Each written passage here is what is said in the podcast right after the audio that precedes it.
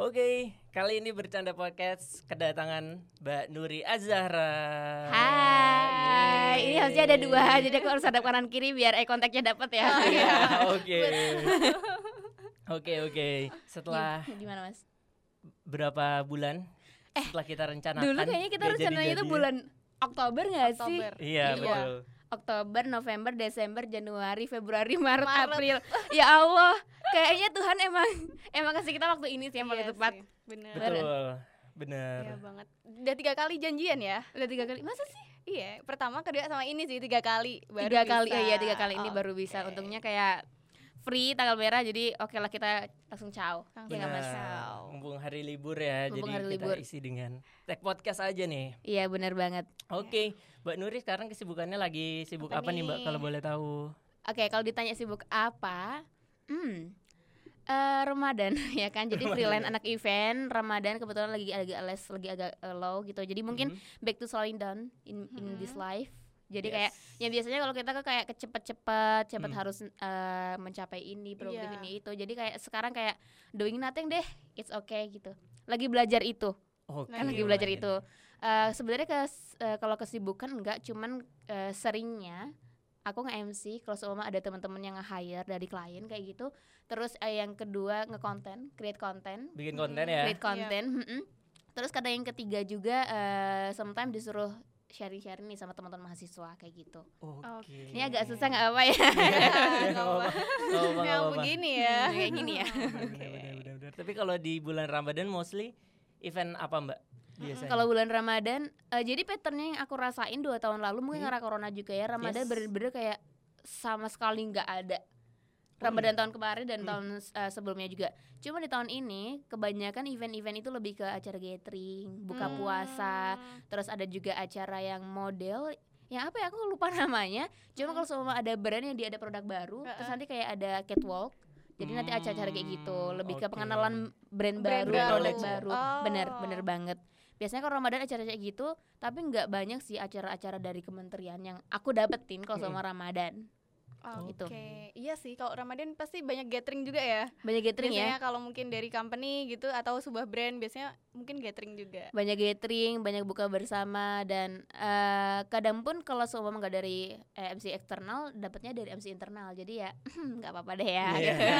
Rezeki udah ada yang ngatur, walaupun terkadang Betul. pusing sendiri kalau "Hmm, nggak ada Iya. income. Oke, oke, Mbak. Tapi kita penasaran nih Mbak, kita berdua tadi Mm. di jalan gitu kan, bingung Mm, nih mau bahas betul. apa, mau bahas apa. Terus Bener. kita kepikiran kayak em, Mbak Nuri kan ini beda di antara kita ya. Kalau kita kan masih ada kerjaan full time gitu Ah, Mbak. hmm, hmm, hmm. Sedangkan Mbak Nuri memberanikan diri full time sebagai MC gitu Iya, kan. mm-mm. Nah, sekarang apakah ini pekerjaan yang Mbak Nuri pengenin dari dulu gitu kan jadi MC full time atau sebenarnya tiba-tiba kecemplung aja gitu? Oke. Asik. Gimana Hmm. tuh Mbak kira-kira? Boleh Mbak Jadi eh, ke jadi gini dulu aku pernah kerja di salah satu brand kecantikan. Oke. waktu aku semenjak kuliah di tahun 2018 jadi perjalananku aku ngerasa gini 2017 itu aku punya akun makanan yang itu biasanya buat endorsement kebanyakan ada beberapa uh, brandnya kolaborasi kayak Oke. gitu. Yes. terus uh, 2017 aku buat itu sampai sekarang tapi itu, itu mungkin udah nggak terlalu aku pegang terus yang kedua aku di tahun 2018 akhirnya aku sadar. Awalnya tuh kayak uh, pengen jadi model-model photoshoot kayak Hmm, suka-suka gitu sempet, iya. gitu ya.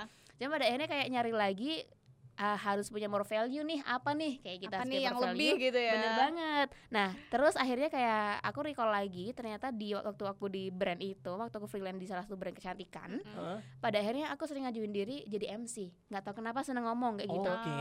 Jadi kebanyakan teman-teman cuma kerja di eh, apa namanya mungkin di balik Di layar, balik tapi layarnya. buat aku sendiri aku paling seneng ngisi di Depan bagian layar. itu, Depannya, Mm-mm, bagian itu. Oke. Selagi ada kesempatan juga Bener jadi ya udah banget. gitu Iya, ya. apalagi di situ waktu itu diajarin namanya personal branding. Nah, itu kayak Nah. cocok banget nih. Aku udah kebetulan kayak mulai nih jadi Instagramku di situ. Nah, terus akhirnya nge-recall, nge-recall kayak mungkin lebih ke self talk kayak gitu Iya, ya di tahun betul. 2018. Akhirnya hmm, apa namanya? Nemuin nih ternyata waktu SMP aku pernah banget nge-MC gitu. Nge-MC Ah. perpisahan, tapi aku milih jadi eh, bagian kayak MC yang ketiga. Jadi model MC yang voice over, MC yang enggak di depan Hmm. stage. Oh. Jadi kayak di belakang layar. Tapi modelnya aku- masih di balik eh, di belakang layar. Iya di belakang Ah. layar tapi aku kadang kayak maju ke depan juga eh, jadi bukan MC yang formal kayak gitu jadiin non formal dan di situ aku suka banget nah Hmm. akhirnya lah di situ eh, aku jadiin eh, Instagramku ini Yes. tempat buat bisnis MC ini kayak gitu jadi personal Ah. brandingku dan caraku pertama mungkin aku nggak ikut nggak belajar ya nggak belajar di eh, kursus nggak belajar yes. ya kayak gitu karena jujur li nggak ada uang nggak ada uang sama Hmm. sekali kayak Betul. dulu kan kuliah Kian sama Ria, kerja Ria, kayak iya, gitu iya, iya. terus akhirnya setelah eh, setelah perjalanan dapat a fee nggak dapat fee kayak gitu Mm-mm. akhirnya ditabung dan bisa ikut kursus tapi sebelumnya aku belajar dari YouTube dulu Mhm, belajar dari YouTube terus aku belajar dari MC MC yang yang udah gede. Mm. dengan cara aku DM DMin mereka satu-satu Oh, Oh, itu cara gitu. belajarku. I see. Iya, ya iya, model iya, iya, bodo iya. amat deh yang penting Nothing lu- tulus ya. iya lu bales oke lu Oke. gak bales ya udah gitu Eh, kan itu. sampai pernah aku nge DM anchornya Trans TV ya CNN aku DM juga Oh. kok bersyukurnya beliau bales gitu loh dan beliau ternyata yang ada di reportase pagi tuh tahu nggak sih dulu di Trans TV ada yang namanya reportase pagi setiap pagi ada Iya. berita Heeh. namanya reportase pagi kalau sekarang kan Trans TV kan lebih ke CNN ya Oke, Mm-mm. iya. kalau dulu waktu aku SD Iya, kayaknya ada. reportase pagi Mm. dan cowok itu laki-laki itu Heeh. yang sekarang aku DM gitu loh Oh iya. dan iya dan ternyata mereka mau balas juga gitu loh humble ya. Dengan Humble banget welcome gitu ya. Welcome banget iya benar tapi nggak semuanya mau ke balas Iya, ya aku betul. cuman mau ya cuma mau belajar buat yang mau balas aja gitu Heeh, betul. dan dari situlah ber- berjalan eh, akhirnya aku ngumpulin foto-fotoku yang lama Heeh. foto-fotoku yang lama aku posting postingin di Instagram Lagi, Iya betul. mulai branding mulai branding nah dari situlah pada akhirnya mungkin di tahun 2018 dulu belum banyak tuh orang yang branding MC Jogja di Jogja sendiri Iya. Oh. tapi sekarang sudah semakin bermunculan sudah semakin Berarti bermula dari tahun 2018 gitu 2018 tadi. kayaknya bulan Oktober deh Oh. Oke. hampir lima tahun ya. Oh iya. hampir lima Lumayan tahun ya Iya, Mm-mm. iya, iya, iya. cuman kayak dulu kan kenalnya eh, cuman by by apa namanya Instagram Mm. terus by media sosial Betul. cuma sekarang lebih kepengen gimana caranya aku pengen nge apa namanya ngebuat relasiku tuh bener-bener kayak jadi teman itu yang Oke. susah sih aku jujur Li. Yang lagi pengen di ini lagi ya. Iya. Yang Mbak pernah ceritakan iya iya itulah jadi permasalahan iya kan soalnya yang Betul. udah-udah kalau seumpama kita sistemnya media sosial ya datang pertama pergi datang pergi nggak ada yang bener-bener kayak loyal Mm-mm. itu Hmm, Ngejaganya ya Mbak yang belum bisa ya. ngejaga Iya. ngejaga relasi susah banget sih aku rasain relasi, Bener. Betul. Bener-bener. Oke, berarti tadi dari pekerjaan pertama, berarti Pertama, setelah lulus, lulus kuliah langsung freelance di itu tadi Mbak. Mm-mm. Atau yang sambil kuliah. Sambil kuliah. Oh, sambil Oh, kuliah sambil ya. kuliah. Jadi aku kuliah memang itu- udah struggle. Bener, Oh, iya, struggle, kuliah, struggle. kuliah, iya, iya, Jadi iya, kuliah iya, sama iya. kerja, ngidupin diri sendiri juga, Oke. kayak gitu. Kuliah sama kerja, jadi kerja waktu itu ada mungkin di tiga tempat freelance semua sih. Freelance Hmm, semua. iya, Oke. Kayak Oke, gitu. oke. Sampai akhirnya lulus, Mm-mm. terus Corona, corona. corona aku balik kono, Kata balik corona ya. Wonosobo, Oke. balik Wonosobo selama Itu. hampir kurang lebih lima bulanan kerja di sana Yes. tiga bulan. Oh, Tapi gitu. ternyata diriku masih menggubu-gubu. Aku pengen di duniaku yang udah aku cari. Aku balik lagi ke. Jogja. Balik lagi ke Jogja. Oke. Oke. Balik lagi ke Jogja, Nice. kayak gitu. Gitu ya. Nice, nice, Bisa nice. disebut awal mula passion juga mungkin ya karena tadi ada rasa kayak Gimana? menggebu-gebu Mm-mm. apa pengen kembali ke dunia itu lagi Mm. itu kan mungkin passion yang akan Bener dicari sih, gitu ya, ya. Kayak istilahnya kalau ngomongin passion tuh eh, nggak semua orang bisa nemuin itu. betul Tapi ada kalanya orang tuh bisa nemuin itu. Tapi yang Betul. eh, mungkin aku dulu ngerasa kayak lu tuh udah nemuin passion lu ya kayak gitu. sebetulnya Tapi iya aku sekarang di fase aku pengen kok kayaknya masih ada kebimbangan lagi. gitu ya Iya, lagi di fase kayak eh, mungkin kalau orang-orang di umur aku nggak tahu sih, mungkin di umur umurnya 25, 26 ada orang nyebutin quarter life crisis, Heeh. ada orang yang nyebutin kayak aku ngerasa lagi lagi buta arah tahun Yes. ini. Tahun ini, Oh. Tahun ini Mbak. lagi tahun ngerasa ini buta awal arah. tahun ini Iya, ya. jadi tahun ini aku rasa kayak lagi buta arah, lagi nggak punya tujuan, lagi kayak aku mau ngapain sih sebenarnya gitu. Apa sih yang ku cari lagi Iya, bener banget.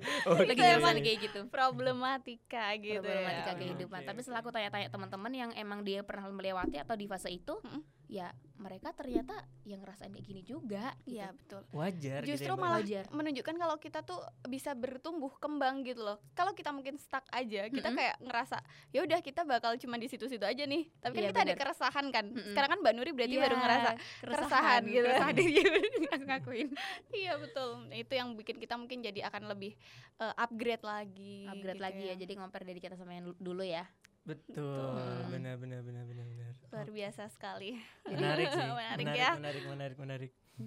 Sampai akhirnya eh, sekarang udah fokus di MC gitu, Mbak. fokus di MC Cuman yang aku cari eh ini loh masih mungkin orang mencari- iya masih mencari, mencari, masih mencari, masih mencari. Oke. masih mencari kayak apa ini bahasanya orang tuh nggak pernah bersyukur, selalu ngerasa kurang kayak gitu ya? Atau mungkin ini bukan at ya bahasanya pada akhirnya aku di apa namanya dibungkus sama aku lagi buta arah tahun ini gitu. Oke. Mm-mm. Mungkin itu sih pada akhirnya kayak bingung, kayak nggak tahu arah ya udah dah jalan aja dulu kayak gitu. Jalan aja dulu. Benar. Iya. Iya. Kadang suka ngerasa kayak gitu juga Pernah sih. emang. gitu? Ada ngerasa kayak gitu. Heeh. Kayak Iya. ngerasa buta arah. Terus kayak sedih gitu. Iya. Iya. Bener banget. Kayak Bener, ngerasa bener, buta bener. arah, kayak ngerasa kayak istilahnya lu tuh di sini mau ngapain sih gitu. Iya. Hidup lu tuh mau ngapain sih kayak gitu. Heeh, Dan Iya lagi. butuh, Bener ngerasain? Iya, Iya. ngerasain kayak gitu kayak butuh semangat baru gitu. Mm-mm. Cuman itu yang kita cari kayak gitu.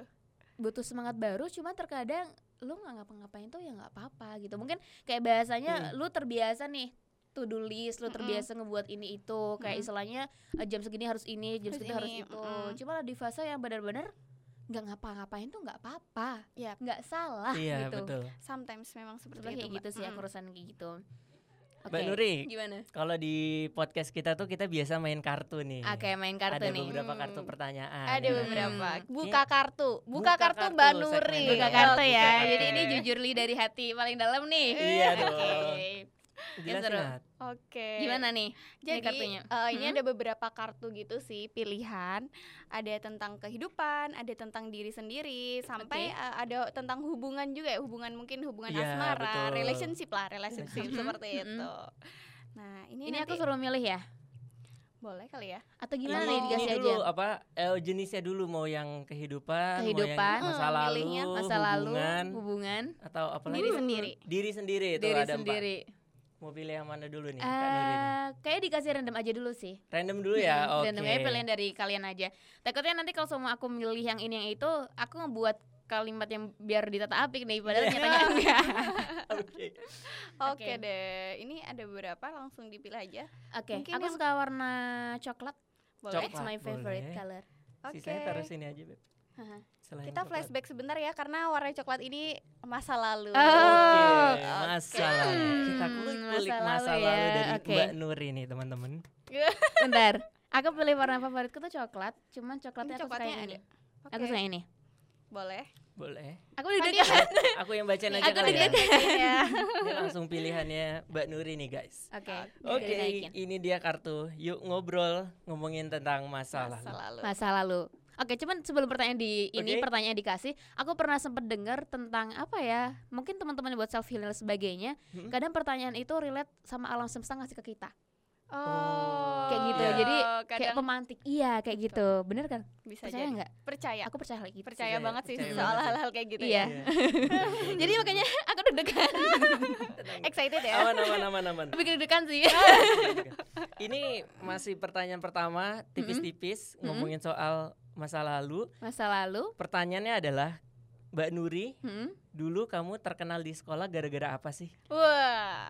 Oke. Boleh Jadi jawab. eh, kalau ngomongin masa lalu terkenal TK SD aku nggak begitu terkenal.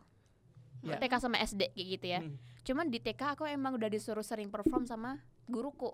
Hmm. Nari kayak gitu. Tapi kalau Ah. SD, oh itu juga iya aku udah disering perform juga sama guruku. Puisi, pidato kayak gitu. Ah. Tampil gitu ya? Iya, tapi nggak pernah ranking. Rankingnya selalu 20-an, 30-an. Aku sedih sama ibuku marahin aku terus gitu kan. Terus SMP Mm-mm. SMA itu mulai tuh aku nggak tahu ngerasa apa mungkin karena doa ibuku ya aku Mm-mm. ngerasa gitu Betul. pada akhirnya eh dari yang nggak pernah mendapatkan ranking dari yang bisa dibilang males, males dan sebagainya eh, mungkin kebetulan ibuku udah almarhum kayak gitu ya Mm-mm. udah almarhum mungkin doa Oh. ibuku sih ketika apa namanya ketika masa-masa eh, bisa dibilang wasiat gitu ya pernah bilang kayak gini Nuri belajar yang rajin ya dan aku ngerasa SMP SMA itu bener-bener kayak aku dapetin ranking tiga besar terus Ah. SMP ranking satu terus SMP gitu? Oh, Iya. gitu. SMA pun bisa paling mentok ya tiga besar gitu kayak Mm-mm. apa ini doa ibuku ya sebelum beliau Hmm. meninggal ya kayak gitu Oh, nah kalau eh, SMP SMA terkenalnya ya itu gara-gara mungkin dapat peringkat terus Betul. yang pada akhirnya guru-guru tuh jadi kayak ngenot aku tuh eh, dan aku kebetulan waktu SMP eh, aktif ya Oke. aktif suka baca Mm-mm. buku Mm-mm. juga terus eh, apa namanya sering ikut organisasi juga Mm-mm. kalau SMA emang pengen fokusnya dulu di luar sekolah kayak gitu tapi SMA kebetulan juga mungkin aku ter- tipe orang yang cewek tapi bersuara terus oh, di kelas bersuara itu mulai kayak dari gitu. SMA tadi SMP SMA SMP SMA udah mulai SMP oke. SMA dijadiin gitu ya. bener Mm. di, ikut dewan jadi ketua kelas Mm-mm. ya Hmm. yang biasa didengar juga pasti iya bener Mm. kayak gitu jadi kayak sering didengerin deh sama guru-guru dan bersuara Oh. Ya udah dari dulu udah dari dulu kayak gitu itu kan pertanyaannya Iya. Oke, Betul. itu ceri- itu cerita yang oke ya. Jadi kan kalau kita kan kalau hidup kan ada yang cerita yang oke, ada yang enggak juga. Mm. Nah, cerita yang enggaknya gitu, eh, kalau masa TK masa, masa, masih masa sekolah gitu? Ha, TK SMP kalau TK itu mungkin bahasanya eh aku sering dapat eh, dari ibuku tuh jadi kami nggak deket ya sama ibuku Hmm. sebenarnya nggak deket gitu secara emosional.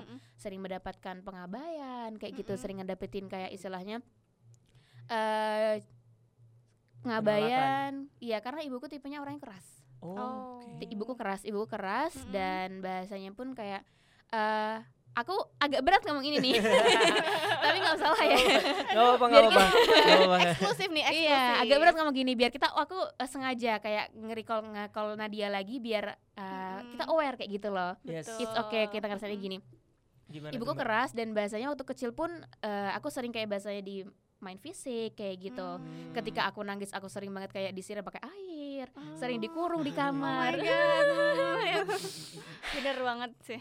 Ini emang agak ini udah berkaca-kaca. Berat ya, gitu. berat ya. Hmm, agak Iya gitu. agak berat kayak gitu di masa SD pun mm, kayak gitu Eh, SMP SMA sih udah mulai kayak harus struggle jadi kayak ada yang oke ada yang nggak oke juga Betul. jadi nggak selamanya teman-teman kita ada di jalannya oke oke aja kayak Benar. gitu Benar.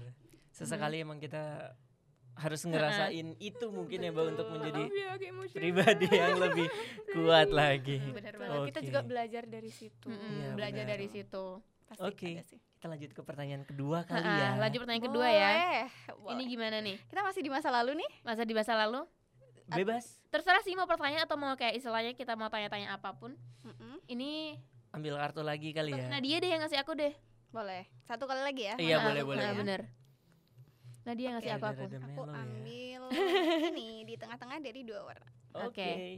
warnanya beda-beda ya ternyata ya Mm-mm. aku jadi interest sama kartu ini bagus-bagus kayak gitu Boleh Fandi? Oke. Langsung aja. Oke, pertanyaan kedua. pertanyaan Eh, kedua Ini masih ngomongin tentang masa lalu, khususnya di masa kecil nih, masa Mbak. kecil ya Oke. Adakah masa kecil yang bikin kamu malu banget? Saya bentar Ini kalau bikin aku malu Adi, banget ya saking, ya. saking malunya nggak layak on air juga nggak apa-apa loh, Mbak. Ah, usah aku- diceritain. Aku lagi milih dari beberapa part beberapa part yang pernah aku alami soalnya Apa ya? malu Ini banget apa ya jadi merecall lagi ya? Kayak Iya. harus jadi kalau aku ingat aku masa-masa TK sih kalau malu banget kayaknya aku pernah deh apa, Apa ya tuh, Mbak? Ntar dulu saya ini antara mau aku disebutin atau enggak oh iya eh aku malu banget sebenarnya nggak malu gitu kan ya. Mm. cuman dulu waktu kecil eh, aku kebetulan pernah ketemu temenku temen Ah. TK aku waktu itu. Hmm?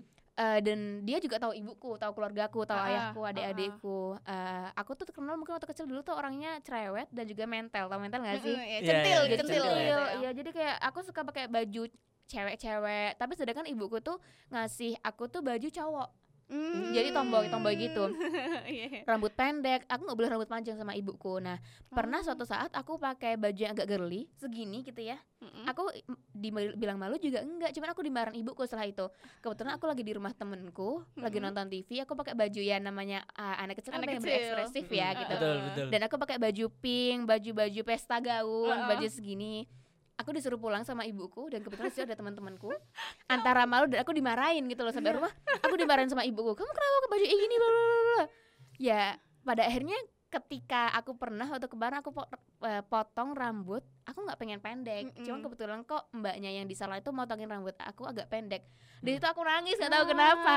Di situ aku Oh nangis my karena God. bahasanya kayak eh aku nggak pengen kayak cowok gitu Hmm. karena aku rasain aku tuh sebenarnya girly gitu Iya, aku iya, cewek iya, banget iya, cuman iya. ibuku tuh ngasih eh, aku baju tuh kayak ya tomboy baju-baju Pokemon tuh gak sih Pokemon Iya, bener-bener. iya kan Pokemon dulu Iya, pada iya. masanya dulu ada topinya sama yang bener-bener kayak ada talinya Ada gitu tali Iya. itu baju Pokemon baju-baju Pokemon Subasa aduh Ya itu nggak banget itu- sih warna hitam jangan-jangan. tomboy banget iya sih. tuh boy banget dan Iya aku sih. rambutku segini terus nggak pernah rambutnya nam- nama eh, nggak pernah namanya aku rambut segini nggak pernah sama Oh, sekali gitu. dari kecil Berarti Pendek. Ini juga ya, Berarti- Mbak. Iya. Masa kecilnya maksudnya kayak gimana ya? gimana Eh, orang tua ini banget gitu ya. Iya.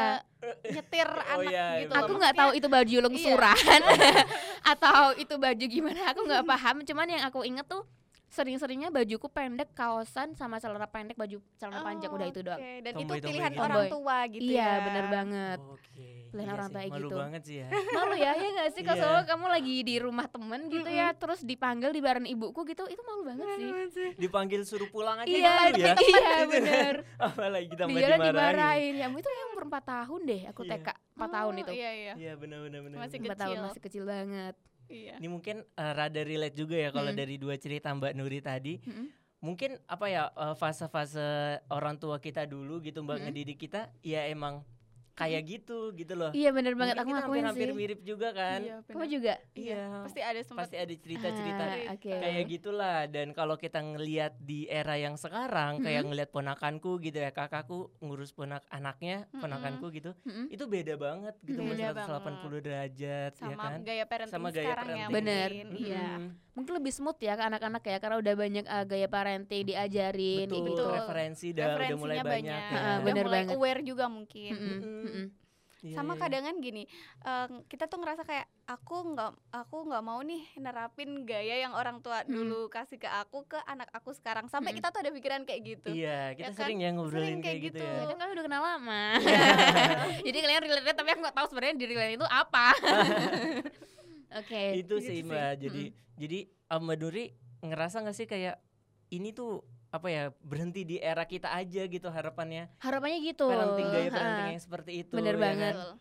Kayak soalnya mungkin uh, kalau aku pernah sharing juga sama temenku mungkin orang tua kayak kita ke kita kayak gitu Mm-mm. mungkin dia ngedapatin dari orang tuanya pun kayak gitu Betul. juga itu, Itu gitu. ya Iya. udah turun temurun temurun jadi temurun sebenarnya bang kita Mm-mm. harus mutusin cuman Mutusin. namanya mutusin agak hmm, agak susah ya agak Ya, susah agak bener. susah perlu effort yang benar-benar betul aku rasanya gitu apalagi Oke. mungkin mungkin apa bertentangan sama yang udah ada Mm-mm. Tradisi-tradisi Tradisi, atau mm, gaya-gaya tertentu gitu kan? Iya aku ngerasain banget sulit. sih. Apalagi bahasanya sekarang kemarin juga sempat sharing nih Waktu buka bersama. Heeh. Eh, Ini agak beda sih Karena waktu Gimana kecil Mbak? Aku eh Aku dapat figur orang tua tuh sebenarnya dari budeku.